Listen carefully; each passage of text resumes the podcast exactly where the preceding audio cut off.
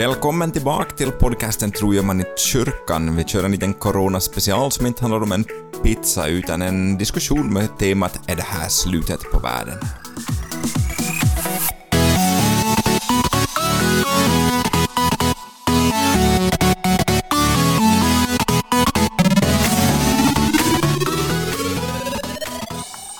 Hej och välkommen till comebacken av podcasten får jag säga både till er som lyssnar och till Jan Gustav. Tack, tack Thomas. Eh, Jag är osäker om någon annan än mamma har väntat på det här, men vi är i alla fall tillbaka nu med en coronaspecial och jag tänkte vi inleder med den här standard och favoritfrågan som jag brukar slänga ut åt dig. Eh, Hur är läget med dig idag? Uh, ja, lite i halsen, så känningar och, och är jag varm eller sådär? Nej, skämt åsido. Jag hörde faktiskt uh, någon som gjorde en sån här undersökning att de kollade... Det var Skavlan. Mm? Jag, hörde, jag, jag såg den inte själv. Såg du det Skavlan? Nej, Nej, tyvärr. men det var en kompis som berättade att i Skavlan så gjorde någon test att vem har funderat om de har haft corona idag? Och alla räckte upp handen i publiken. så jag funderar om jag har corona idag, men jag tror att jag inte har det. Det tror jag. Det här, eh, som jag sa det innan vi började också, att alltid, man känner sig alltid frisk, så det är innan, men ska man iväg till butiken eller träffa någon så, så börjar man alltid fundera att har jag lite sjukhals nu i alla fall? Eh, Om man gör en vetenskaplig undersökning av det där, Thomas, skulle man borde säga då sådär att folk borde handla mindre, för då känner man sig mindre sjuk. säkert, säkert så jag tycker vi kan slå fast här. ja, vetenskapligt Mm. Det börjar vara ett år sedan vi spelade in podd sist och eh, en del har frågat om mig om det blir någon fortsättning och jag har svarat som så att, eh, eller de har frågat om vi har gjort slut men, men inte kan vi ju säga det utan jag brukar säga så det att som alla stora band så tar, har vi tagit en paus och fokuserat lite på våra solokarriärer och, och, och sådär. Och vart har din solokarriär tagit det där sista året, Jan Gustav? Ja, karriär och karriär, Ehm, karriär som kristen så kan väl bara, bara gå neråt. Och det börjar med att liksom Gud sände sin son till världen. Han steg ned från sin himmelska verklighet till vår, vår jordiska verklighet och så stiger han ännu lägre ner och tar en slavs jobb och tvättar våra fötter. Så då vet jag inte riktigt om karriär. Så då måste man fundera på vilket sätt menar undrar Thomas alltså då hur jag har blivit mer mm, tjänaraktig och sådär. Kanske man borde fråga min familj om jag har blivit liksom mera Är du säker på att tjänstvillig. du? Ja, ja, ja, den, den frågan vill jag inte att de ska svara på. Men om man ser vad som har hänt i mitt liv annars, Mm. sådär, eh, så har jag, eh, nu är inte jag präst längre i Esse och, och Jakobstad kombinerat, utan jag är enbart i Jakobstad och också fast tjänst i Jakobstad. Sådär. Mm. Så det har hänt i mitt liv. Men du då Thomas, det är ju snart nästan ett år sedan Mm. vi höll på. Vad har hänt i ditt liv? Är en hel del. Sen i somras har jag startat eget företag. Jag sysslar med, med nischat in mig lite mot församlingar och hjälpt till med kristet arbete på webben och, och visuella saker och, och grafisk formgivning och så vidare. Det låter som en, en, en av dina hobbyn som du har börjat jobba med. Eh, Precis, precis. Eh, och dessutom så har jag nog sen årsskiftet också så där ett eh, samarbete med SLEF så jag hjälper dem med, med ungdomsverksamheten och, och också med arbete på webben och speciellt nu i, coronatider med livestreamade ungdomssamlingar och så vidare. Mm, det låter spännande. Mm, eh, här kan jag säga att jag har varit. ja, sist, ja, man får, får testa sina, eh, så sina stressnivåer ska vi väl säga. Mm. Du, du har hjälpt mig Thomas med att eh, våga göra saker utan att ens veta om jag kan det. Mm. jag, så upplever jag att du är. Du slänger in i något och så lär du dig medan du gör det. Ja, jag har väl en sån där inställning ofta att jag tänker att hur svårt kan det vara och så gör jag någonting och så märker jag att det här är ganska svårt i alla fall. Men eh, man lär sig mycket av det och lär sig mycket av misstag. Så det, eh, jag tycker det mycket roliga saker man har fått prov på genom den inställningen också. Mm. Jag önskar att jag skulle haft din inställning tidigare i, i livet. Så där, jag märker att många gånger har jag played safe. Men, eh, men nu när jag börjar bli lite äldre så bryr jag mig inte om så mycket om det blir tokigt. Jag prövar fram och så tänker jag okej, det här blev inte så bra.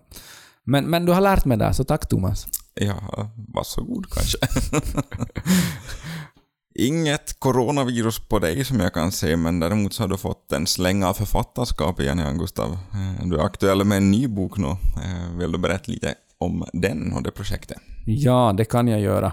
Um, det, det tokiga i det här är att jag har tänkt att jag aldrig ska bli författare, för jag tycker inte om att skriva. och nu är jag ute med min andra bok. Jag ger du inte igen som privatperson. Och eh, den här boken handlar om påsken. Mm. Och om påskmåltiden. Tradition vi i familjen haft i, i 15 år att fira på skärtorsdag. Man kan ha det en annan kväll, men vi har valt torsdag då. Ja, ja, du, säger, du har sagt åt mig nu en tid att du ska, du ska ge mig en påskmåltid och jag tänkte att yes, då behöver inte jag köpa mat, men det är alltså en Ah, bok ja, det är sant. Och nu, jag har ju lovat att ge dig en sån, men nu har jag inte med någon idag. Så, ja, om, om coronan inte tar livet av dig eller mig så ska du nog få den. Före påsk också, hoppas jag. Ja, det låter, låter bra. Jag vet inte om du är bekant med, med Simon Sinek och eh, han, han, Han, har, han är obekant för mig. han har i alla fall en av de här mest eh, tittade TED-talksen någonsin kring temat Start with Why. Eh, Mm. Alltså att fråga med att varför vi gör någonting som kommer att avgöra om vi, om vi lyckas. Det är Mm. korta drag där man kan se hela det här föredraget eh, via YouTube. Eh, rekommenderar här ifall man vill ha en utförligare analys istället för att jag Mm, försöker jag ska sätta på tittarlistan. Ja, ja, tycker jag. Och så jag slänger ut den här frågan till dig då, att, att varför ska man läsa den här boken din? Boken ger eh, redskap till föräldrar eller eh, far och morföräldrar som vill hitta traditioner kring påsken. Mm. Det finns så väldigt mycket traditioner kring jul och försök bara ändra på någonting i julfirande eller när två personer som ska göra gemensamt bord och ska komma överens om hur de gör på jul, då kan det bli mycket gräl. Eh, men kring påsk har vi inte sådana traditioner. Och det finns som ett vakuum. Och då tänkte jag att jag vet vill vad vi ska göra. Ja, jag har, kan införa liksom det så att, så att man varken behöver gräla eller vara sysslolös. Ofta åker ju folk iväg kanske på, så om man har, eh, tycker om slalom och har den möjligheten att åka iväg och åka slalom eller extra semester. Men det är ju egentligen kristenhetens största högtid. Mm. Att Jesus liksom dör för oss och uppstår igen. Får jag bara inflika att Ja. nu i coronatider ska man ju inte fara och slalom då. Okej, Jag vill- tur. jag vill bara säga, så det är officiellt uttalat från podcasten att vi understöder inte den här idén som Jan Gustav kom med. Tack för, tack för den räddningen. Sådär. Jag kan ha blivit stämd där kanske av THL, eller finska staten. Ja, så tillbaka till påskmåltid. Så det är en, en bok som helt enkelt hjälper en att hitta ehm, rutiner, traditioner som kan ha bärighet och som kan bli meningsfulla. Och vi har utgått från Jesu liksom, sista måltid som han firar, som man idag vet ganska långt hur den såg ut. Och man vet mycket mer än det som står i Bibeln, att den har en fast form som judarna använder ännu idag. Okej. Så det går ända tillbaka till den tiden, även fast vi nog naturligtvis inte kan vara hundra på att exakt alla små detaljer, men så vet vi Nej. ganska långt. Så den måltiden som grund så har vi då utvecklat ett eget sätt där barnen ska få vara aktiva och, och inte tycka det är tråkigt, men där hela familjen ska få vara delaktiga och, och vänner som han bjuder eller släktingar och så. En- Men ingen liten ambition att, att försöka hålla barnen från att vara uttråkade. Ja, men faktiskt, det, det började från att min fru så sagt att vi, vi saknar Jan Gustav påsktraditioner. Mm. Och att vi, hon tyckte att våra barn var alldeles för vilda för att ta med till ett stilla um, sån här långfredagsgudstjänst som är väldigt högtravande. Och jag, väldigt fin, jag uppskattar långfredagsgudstjänsterna. Men äh, många föräldrar kanske tycker att skrikiga små barn som stör andra människors bön, så det vill jag inte liksom stå åsamka andra och stå Mm. själv ut med den skammen att det är mina barn som hördes mest i gudstjänsten mer än prästen. Mm. Uh, så då valde vi att fokusera på hemmet. Mm. Som där, där får ju folk vara som de vill. Och, och, och då tillåter vi helt enkelt barnen att, att flippa ur och ta ut svängarna, men också ge dem saker att göra. Mm. Så vi söker efter ehm, ett gömt bröd, vi målar med vattenfärg på dörrposten. Eh, vi smakar olika saker som finns, speciella sådana rätter som vi Mm. smakar av. Och vi lyfter en penningpung som väger 330 gram, lika mycket som de här silvermynten vägde som Judas fick för att förråda Jesus. Tvättar fötterna. ja, ja. I coronatider alltså. I coronatider kanske man ska uh, avstå, avstå från den, men nu blir det ju annorlunda när det är coronatider. Men Mm. det var i alla fall syftet. Mm. Var finns då den här boken till få tag på? Den finns eh, att få tag på på en hel del olika ställen. Man kan gå in på vardagstro.com, vardagstro.com. Mm. Och där har jag då en lista lagt ut på, på där, där man kan få tag i den. Mm. Eh, och eh, tre förlag har den också till salu, Fontana Media, Vibosa och Släff. Men om du hör på det här före påsk och tänker att mm, det här vill jag testa på, så då kanske du får gå in till Sunds trädgård i Jakobstad eller Petterssons trädgård i Esse. Mm. Eller varför inte Allkristen bokhandel i Karleby. Jag tror att de alla har öppet ännu. Ja. Och för att göra smygreklam för Släff så tror jag Bookcafé faktiskt har uppe ännu också. Ja, här i Jakobstad. Ja, så det är för bokförsäljning i alla fall. Mm. Just det. Man kan följa den på Instagram istället. Ja. Det visste jag inte. Nej, men nu vet du. Och ni som lyssnar också. Så här räknar vi med ett, ett, eh, en så det markant kurva uppåt i, i statistiken för följarantal så småningom. Ja. Eh, Jan Gustav, det händer rätt mycket runt omkring oss idag. Vi har ett virus som sprids runt omkring oss i vår värld. Vi har eh, Bill Gates som skrämde slag på kristenheten när han började prata om ett mikrochip i handen vi för att avgöra vem, vem allihop som har blivit vaccinerad. Vi har påven och en muslimsk imam som har undertecknat ett avtal som säger att eh, mångfalden av religion är Guds vilja. Eh, och eh, som många undrar om, är det här ett första steg mot en världsreligion? Vi har gräshoppssvärmar som, eh, som eh, har plågat Saudiarabien tror jag och det är på väg mot, mot eh, flera länder. Eh, Stora frågan som jag tror att många ställer sig nu, är det här slutet på världen? Och då förstår jag Thomas att du tänker på att eh, i Bibeln så finns det liksom tal om att det blir katastrofer Mm. och, och plågor av olika slag och sådär. Ibland ganska specifikt också. Ja. Innan då Jesus kommer tillbaka och Guds rike upprättas i hela Guds skapelse. Ja. Mm, och när du säger de här sakerna så, då, så känns det som att äh, du extra knäcker som äh, sån där Iltalehti eller någon sån där annan äh, sån där ähm, snabb kvällspress-reporteraktigt. Äh, och, och så här. Men det, det, det, det är den jag branschen tänkte där du inte att inte du gör skulle gå ha in på sagt va? det högt. Okej. Ah, jag avslöjar ett cover här. Undercover. Eh, sådana rubriker kommer ju alltid i tidningar och, i, och, och så. Och, och det blir liksom slaget stort. För det är ju tidningars uppgift och Mm. pressens uppgift. Men de facto så, jag, så här, har jag, håller jag på att läsa Factfulness av Hans Rosling och hans eh, son och eh, svärdotter som också skriver den tillsammans, Factfulness. Mm. Intressant bok där han utifrån eh, vedertaget fakta från FN och andra organ så visar statistiskt hur världen har förändrats. Så just när vi talar om, om att det händer hemska saker med gräshoppor eller olika saker, så sådana som har dött i katastrofer till exempel. Så på för 30-talet så var det 453 personer per miljon människor på vår jord som dog i katastrofer av olika slag. Men de senaste, ja, långa på 10-20 åren så mm, nere i 10, kanske något högre, men, eh, men 10 ungefär, eh, per miljon människor. Mm. Så att uh, dödsfallen har ju ändrat enormt i just människor som dör i, i, i svåra katastrofer som drabbar vår värld. Um, så att uh, jag brukar ta nyheterna med en, med en nypa salt, men uh, vi, visst, det, det, det är osäker tid vi lever i. Mm. Det är mycket som inte vi vet nu som vi har tagit tidigare för givet i följden av corona och, Mm. och så. Och du vet ju här också, den, du pratar ju om statistik här, Ja. men du vet ju den här roliga statistiken som finns är ju den som visar att 80% av all statistik är fel. Va? Den skulle jag vilja läsa. Har du källhänvisning? Tyvärr, men, men då kan jag ju försöka googla. Okej.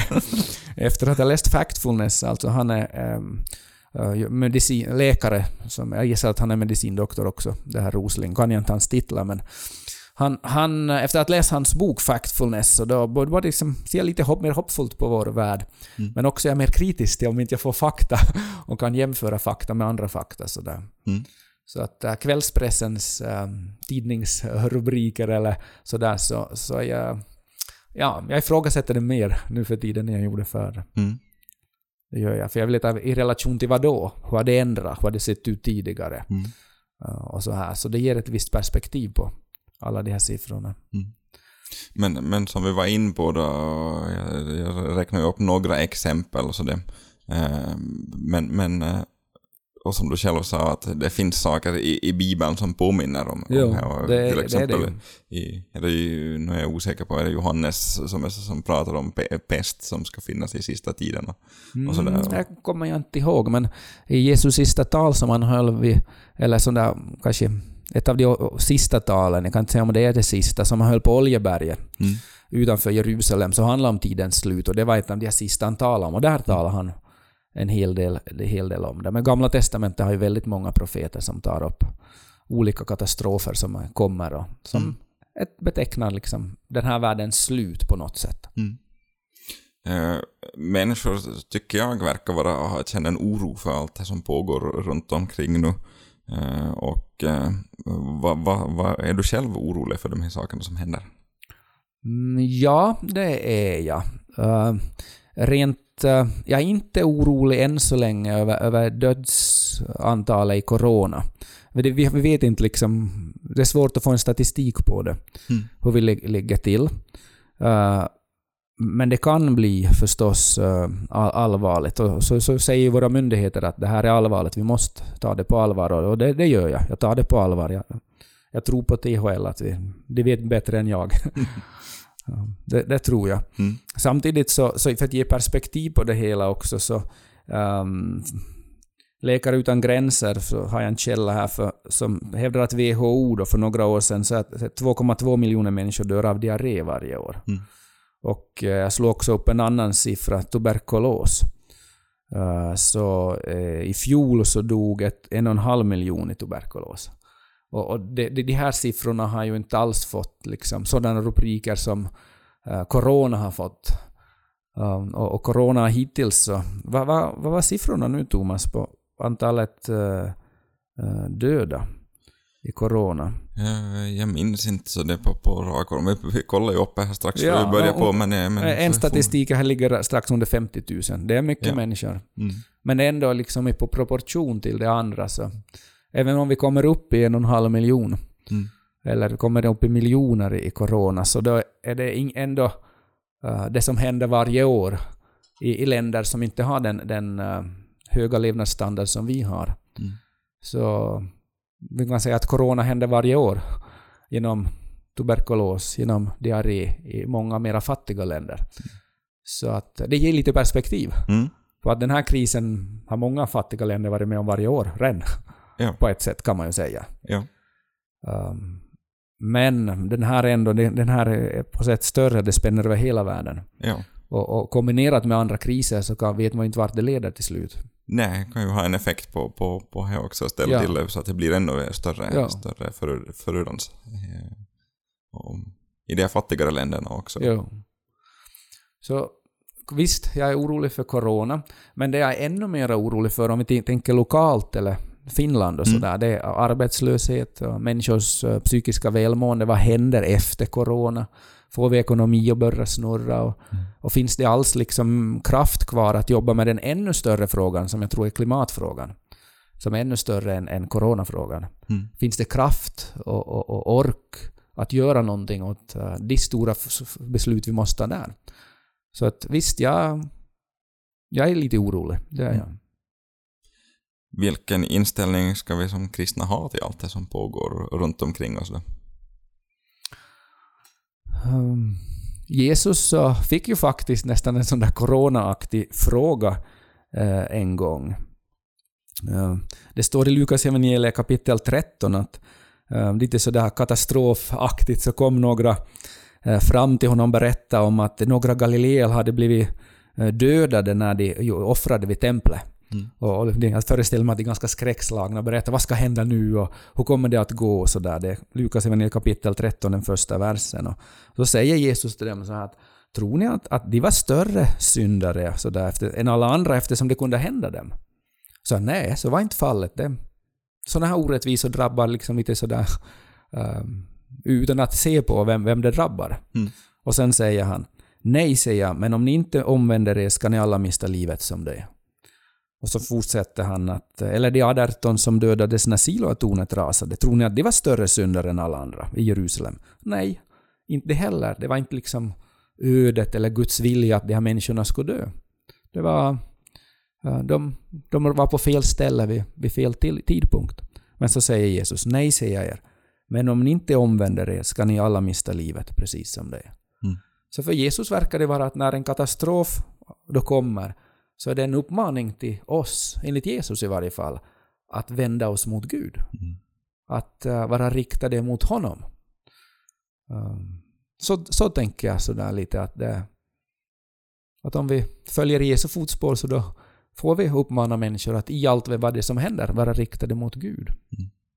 Ja, vi har temat för det här avsnittet slutet på vår värld med ett frågetecken och jag tror på något sätt att det kan vara slutet på vår värld så som vi har känt den. Jag tror att det kommer att eh, påverka väldigt mycket som du är inne på också med fattigdom och jag tror att arbetslösheten och de ekonomiska sv- svårigheterna kommer att drabba många och dra mattan under fötterna på, Ja, jag, är- På jag är många rädd för människor. det också. Eh, Och jag tänker också att så var vi lägger vår trygghet och var vi söker vår trygghet så, så är avgörande. Alltså lägger vi vår trygghet i pengar, att vi, vi jagar efter rikedom, och, eller om vi lägger vår trygghet i, i vänner eller i hälsa eller i makt eller sånt. Allt sånt där så, så är förgängligt och kan dras undan när som helst märker vi ju nu också. Eh, utan jag tror att det handlar om där också att vi lägger vår trygghet i Gud och att vi vänder oss till han och eh, lägger vår, vår tro och vår tillit och, och vårt hopp på Jesus. Eh, och, och vänder oss eh, till honom i vad som än händer. Ja. Och det förutsätter ju för oss på något sätt att man har en grundtanke om att man kan vända sig till Gud. Mm. Att om Gud är väldigt sån här en grym person, om man tänker sig att om, om någon nära drabbas av svåra saker, att Gud ligger bakom det. Så då är det ju kanske svårt att vända sig till Gud. Då är det mest, mest kanske liksom din oh, ilska eller vrede mot Gud som tillåter något sånt här att hända. Mm. Och, och ibland tror jag att det kanske det måste vara så att när Mm. man är verkligen uh, ledsen, man är arg över det, det som har hänt, drabbat någon nära, så då är det liksom att det är bättre då att vara arg på Gud än att fly undan Gud. Ja. Jag är ju någon av, är det Jobb eller vem är det som, som står om att han ropar till Gud Ja. av ilska? Ja, och det kommer jag inte ihåg om det står så, men om du säger det så då, utan att kolla upp det så... Ja, jag hoppas inte jag är skyldig till. Ja, men i varje Lägg fall... till någonting till skriften. Ja, men Jobs vänner, de börjar ju försöka liksom Ehm, uh, säga att Jobba slutar sluta liksom tala ut mot Gud, sluta att vara så upprorisk mot Gud eller vara, vara så, så arg och sådär. Och sen får Jo- ändå i slutändan så får Jobb höra av Gud där att det, Jobb hade rätt. han var arg på mig, han hade rätt. men ni andra som försökte på något sätt uh, uh, hitta något slags logiskt system varför just Jobb hade blivit drabbad av det här, hitta en mening och så här, så säger Gud att, att ni har fel. Att ni har inte talat rätt om mig. Att, det, det, att Jobb blev drabbad av det här så det var inte, inte Jobbs fel. Mm. Och det är ganska liksom en tröst att få höra det att när man frågar vad har jag gjort för fel för att det här ska drabba? Jobbs bok ger svaret att du har inte gjort något fel. Mm. Så kan det vara ibland. Klart, ibland kan man ju vara självförvållad det lidande man är, har råkat ut för. Men många gånger är det inte det. Jan Gustav, eh, när kommer Jesus tillbaka? Okej. Det- Jag tycker att du har väldigt höga tankar om mig, för Jesus säger att eh, det vet ingen, inte Mm. ens Människosonen, som han själv kallar sig då, Människosonen, vet dagen eller stunden sådär. Så att eh, jag tror att du behöver liksom ändra din inställning till mig något ganska radikalt. Kanske det här ska vara tid för omvändelse, Thomas. ja, det finns, den, den tiden är, finns, finns varje dag. Så det, dagliga omvändelsen behöver vi. Men, men vi kan kanske i alla fall slå fast en sak med det här, sak, med det här eh, och är att vi är en dag närmare än vad vi var igår. Mm, där har du med mig, Thomas. Mm. Och eh, sen kanske ett annat problem är att, eh, som jag upplever att vi har slutat vänta på, på Jesu återkomst. Ja. Det, och jag måste också säga att jag själv många gånger har, har glömt bort att Jesus ska komma tillbaka. Jag lever så mycket här och nu. Mm. Eller så lever jag i ett projekt som är om, no, om några år. Mm.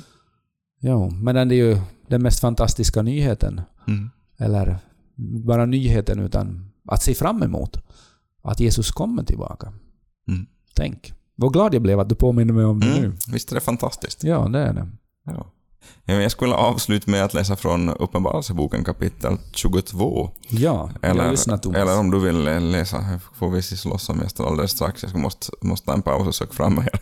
Men eh, i vilket fall som helst så tycker jag det här, det, det här stället är så otroligt hoppfullt och så otroligt fint och jag tror också att det kan eh, ge en sån fingervisning om vilken inställning till, vi, vi ska ha till allt som händer runt omkring oss. Uppenbarelseboken kapitel 22 är ju trösterika ord, det sista kapitlet i Bibeln. Mm. Och där berättas det om den vision som Johannes ser. Och han visade mig en flod med livets vatten, klar som kristall, som rann från Guds och Lammets tron.